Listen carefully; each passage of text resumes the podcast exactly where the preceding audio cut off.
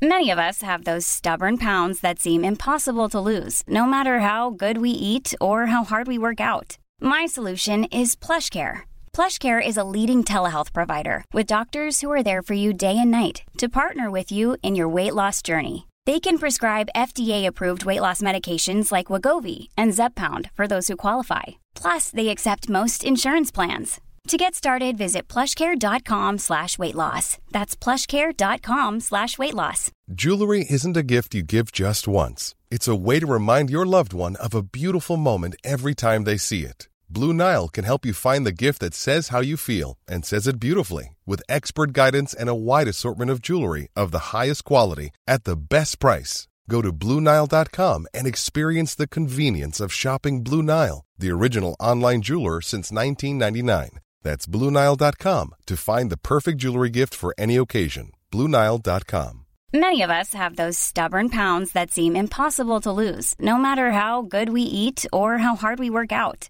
My solution is PlushCare.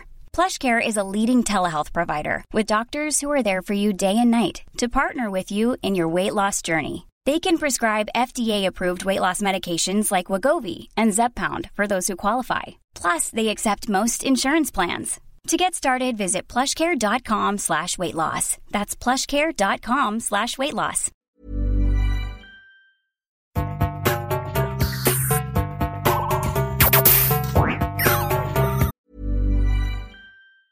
Mom deserves the best, and there's no better place to shop for Mother's Day than Whole Foods Market. They're your destination for unbeatable savings, from premium gifts to show-stopping flowers and irresistible desserts. Start by saving 33% with Prime on all body care and candles. Then get a 15-stem bunch of tulips for just $9.99 each with Prime. Round out Mom's menu with festive rosé, irresistible berry chantilly cake, and more special treats. Come celebrate Mother's Day at Whole Foods Market. When you're ready to pop the question, the last thing you want to do is second guess the ring. At Bluenile.com, you can design a one of a kind ring with the ease and convenience of shopping online. Choose your diamond and setting. When you find the one, you'll get it delivered right to your door. Go to Bluenile.com and use promo code LISTEN to get $50 off your purchase of $500 or more. That's code LISTEN at Bluenile.com for $50 off your purchase. Bluenile.com code LISTEN. Many of us have those stubborn pounds that seem impossible to lose, no matter how good we eat or how hard we work out. My solution is PlushCare. PlushCare is a leading telehealth provider with doctors who are there for you day and night to partner with you in your weight loss journey. They can prescribe FDA-approved weight loss medications like Wagovi and Zepbound for those who qualify. Plus, they accept most insurance plans. To get started, visit plushcare.com slash weight loss. That's plushcare.com slash weight loss.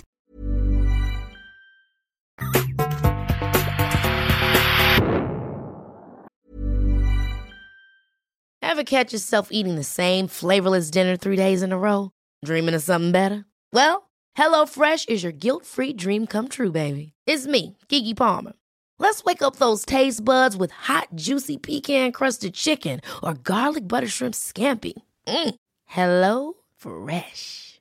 Stop dreaming of all the delicious possibilities and dig in at HelloFresh.com. Let's get this dinner party started.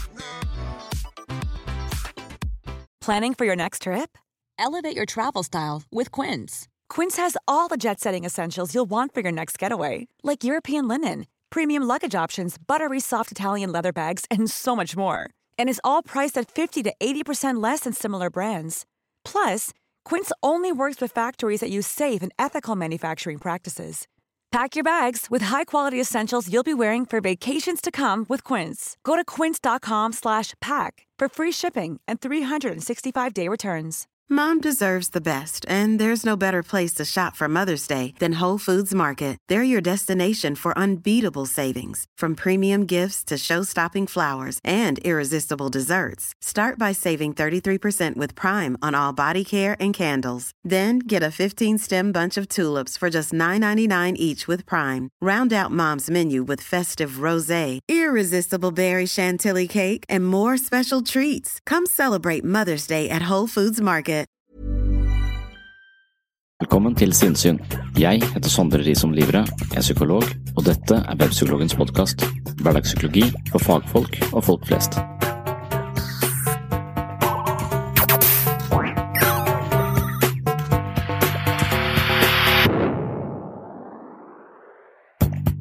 Jeg har med på Dialogisk, som er podkasten til Dag Sørås og Gunnar Tjomli. Det foregikk på Østsida, som er scenen til Studentsamfunnet ved Universitetet i Agder, og det ligger i Kristiansand. Dialogisk er en av de podkastene jeg selv følger, og jeg har møtt både Dag og Gunnar før. Vi hadde to timer før showet, og vi snakket om alt mellom himmel og jord. Det var god stemning, og jeg liker disse gutta godt. Men min rolle denne kvelden var spesiell, og jeg er veldig usikker på om jeg fikset det på en god måte. I samarbeid med psykolog Tor Åge Eikrapen hadde vi testet Dag og Gunnar med Neopi personlighetstest. Den er best kjent som Big Five. De skulle få tilbakemelding på scenen. Selv er jeg veldig usikker på hvordan dette egentlig gikk. For det første føler jeg at jeg var veldig direkte med gutta. Jeg måtte finne en balanse mellom en nyansert fremstilling og formuleringer satt litt mer på spissen for underholdningens skyld. Dette tenkte jeg skulle gå greit, men jeg hadde dårlig samvittighet i etterkant. Både Dag og Gunnar er morsomme, de tenker raskt og serverer interessante skråblikk som illustrerer hovedpoengene i dialogen fra det ene temaet til det andre. Dette her er styrken til Dialogisk, og de leverte på scenen i Kristiansand.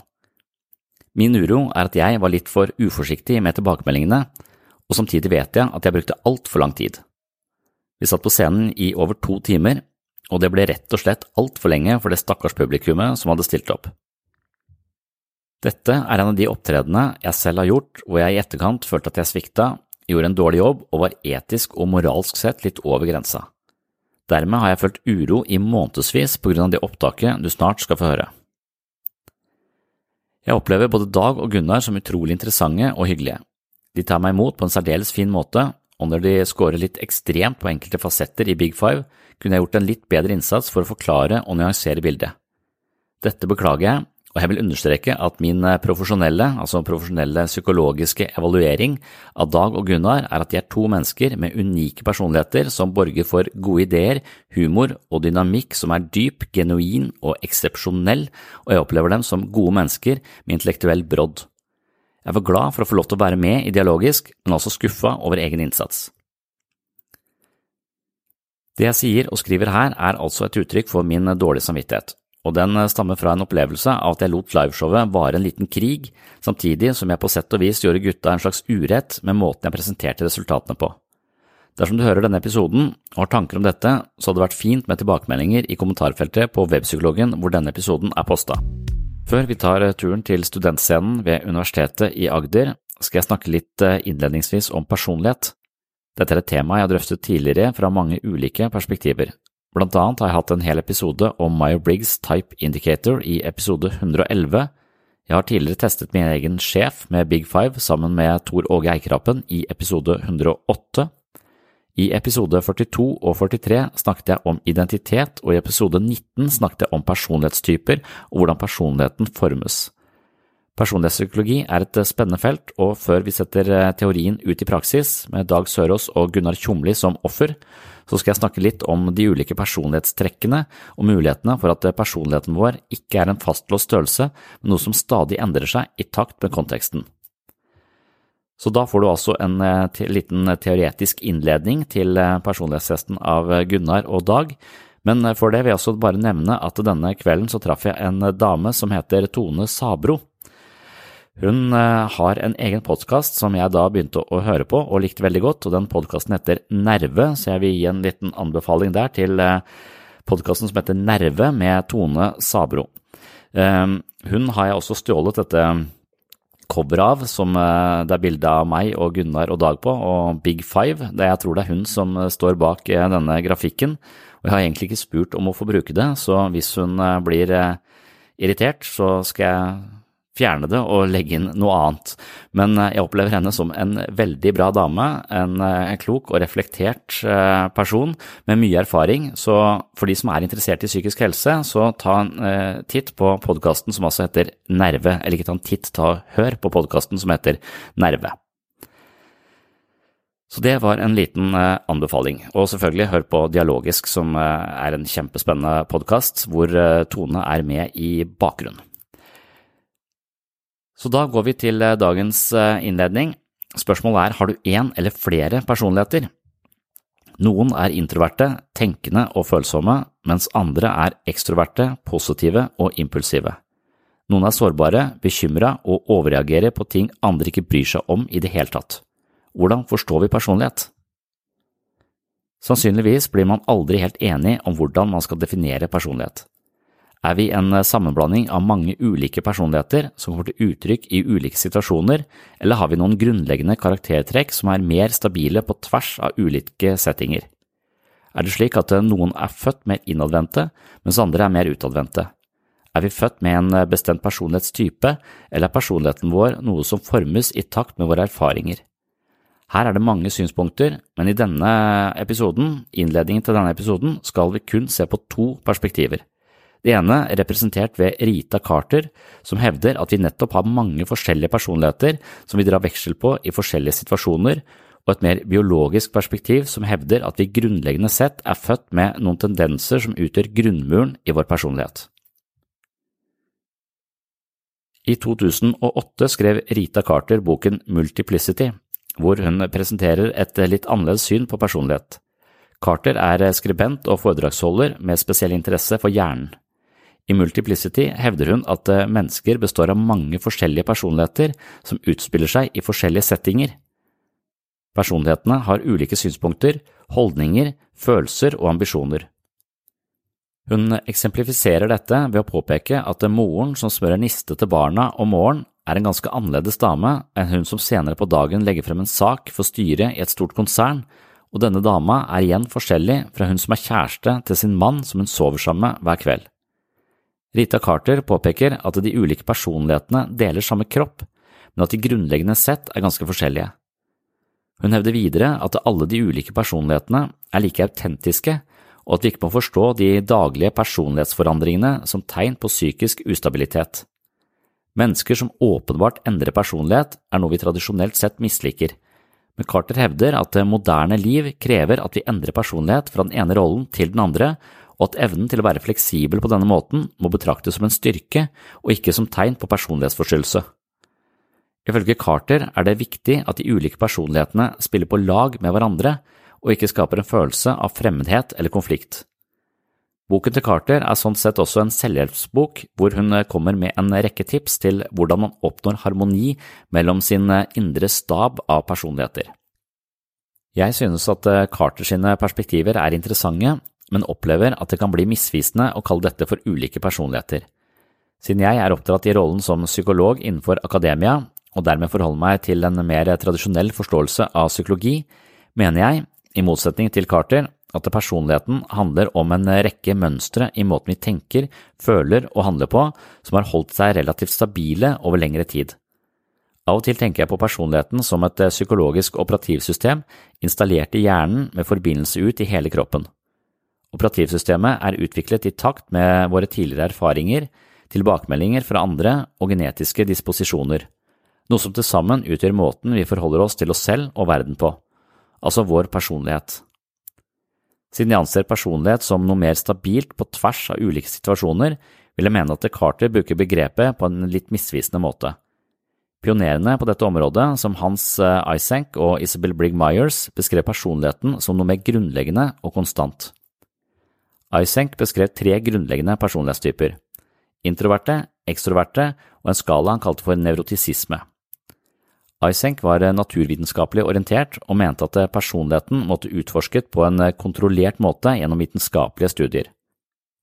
Han begynte å forske på området og skrev boken Dimensions of Personality i 1947.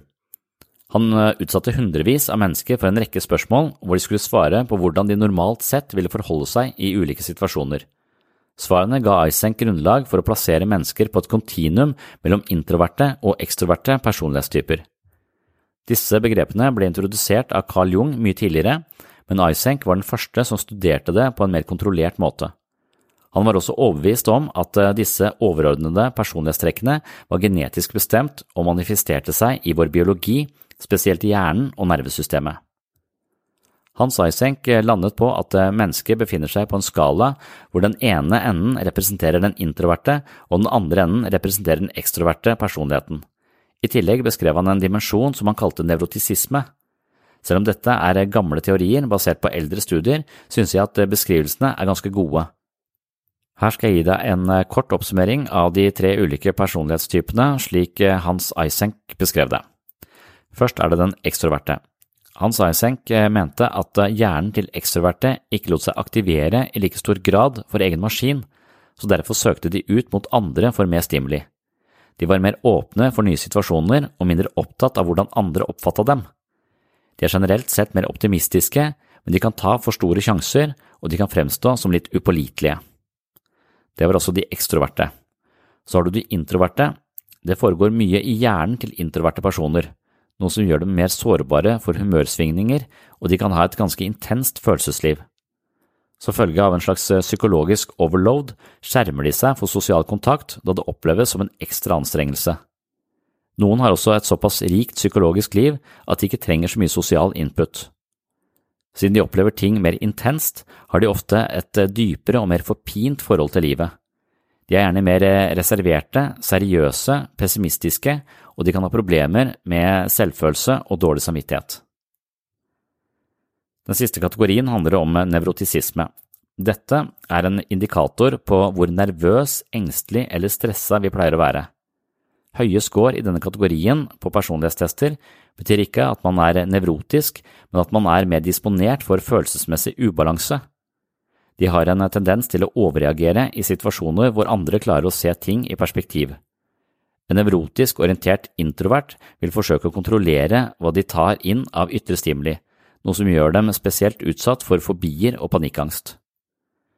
Dette er som sagt en gammel og biologisk forankret forståelse av personlighetstrekk, men eh, noe man fremdeles forholder seg til i modifiserte og videreutviklede former. Meyer Briggs har beskrevet enda flere personlighetstyper med en rekke kombinasjoner av ulike trekk, og moderne psykologi har siden videreutviklet dette på flere måter.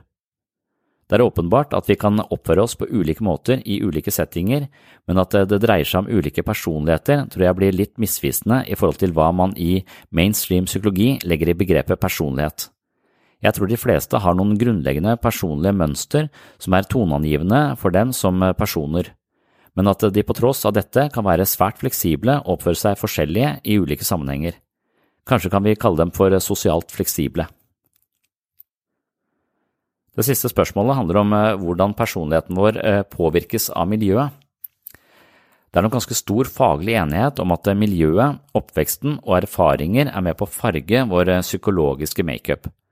Barnet lærer å kjenne seg selv i relasjon til foreldrene og venner, og måten vi blir behandlet på er med på å forme vår selvoppfattelse. Som følge av medfødte disposisjoner og miljøpåvirkninger lager vi oss strategier i møte med livet, og de livsstrategiene som blir en del av vårt eh, automatiske reaksjonsrepertoar, blir også en del av grunntonene i vår personlighet. De mellommenneskelige strategiene vi utvikler, handler ofte om å få det vi trenger for å føle oss elsket og verdsatt av andre. Vanskelige relasjoner i oppveksten kan avstedkomme dysfunksjonelle tilknytningsmønstre som eh, noen ganger blir en eh, følgefeil vi tar med oss inn i voksenlivet. Såkalte tilknytningsskader kan føre til måter å relatere seg til andre på som hindrer oss i å skape nære, intime og trygge forhold til andre mennesker. Jeg tror at mennesker grunnleggende sett har et stort behov for å bli likt og anerkjent av andre, og at det vi frykter mest er avvisning. For å unngå å bli avviste og få det vi trenger for å føle oss verdifulle, spiller vi ulike sosiale spill. Kanskje er det Rita Carter beskriver som multiple personlighet, eller multiplicity, omtrent det samme som Eric Byrne har beskrevet i Games People Play på 60-tallet. Eric Byrne slår fast at mennesket er avhengig av mellommenneskelig kontakt, og deretter viser han leseren hvordan mennesket søker slik kontakt på ulikt vis, og videre hvordan selv negativ kontakt er bedre enn ingen kontakt. Vårt behov for eh, intim kontakt er altså grunnen til at vi spiller spill, som eh, substitutt for ekte nærhet. Et sosialt spill, slik Børn beskriver det, kan sammenlignes med andre spill som poker, men de sosiale spillene er på sett og vis mer subtile, og det er sjelden at vi som mennesker er oppmerksomme på at vi er i gang med et spill. Når vi spiller et spill, er det for å nå et mål eller høste en gevinst, og det foregår mellom mennesker hele tiden i mer eller mindre forutsigbare mønstre. Vi skjuler gjerne kortene vi har på hånd for at vi ikke skal avsløre vårt egentlige mål. Spillene foregår på alle arenaer fra arbeidsliv til privatliv. I våre nære relasjoner spiller vi gjerne om en eller annen følelsesmessig tilfredsstillelse eller om mer kontroll. I næringslivet spiller man om flest mulig kunder eller eh, aksjekurser i vår favør. Selv om vi spiller spill i ulike settinger, betyr ikke det at vi endrer personlighet, slik personlighetsbegrepet tradisjonelt sett er brukt innenfor psykologien. Det kan tenkes at Rita Carter kaller Burns sosiale spill for ulike personlighetstyper. Jeg tror behovet for å fremstå på ulike måter i ulike settinger kan være en positiv og fleksibel egenskap, men samtidig ser jeg at eh, det kan representere en slags grunnleggende usikkerhet. Paul Ekman er en kjent psykologiprofessor som har studert det han kaller for usedvanlig gode mennesker. Her beskriver han en positiv kraft som gjennomsyrer hele personligheten, både i personens privatliv og i sitt offentlige liv. I denne sammenhengen nevnes sjarlataner og karismatikere som ofte lever et makeløst offentlig liv, men bærer denne fortreffeligheten som en maske for å skjule et sørgelig personlig liv. Noen mennesker hviler i seg selv på en trygg og solid måte, og jeg tror de er seg selv på tvers av ulike settinger. Andre må innta roller for å føle seg vel, noe som kan bli anstrengende og gi personen en følelse av å være en skuespiller i eget liv. De blir ofte slitne i sosiale sammenhenger fordi det er som å stå på en scene. Personlighet eh, bør nok ikke forstås som en eh, statisk størrelse. Jeg tror vi må innse at vi er i bevegelse og forandring hele tiden, men mange av oss bygger nye erfaringer og nye mønstre på den grunnmuren vi allerede har. Samtidig er det sånn at eh, mønsteret i måten å tenke, føle og handle på krever mindre av oss. Vi kan gå litt på autopilot, noe som er behagelig og trygt. For å endre sider ved oss selv som vi kanskje er mindre fornøyd med, krever det at vi skaper nye mønstre, noe som i første omgang kan være særdeles vanskelig.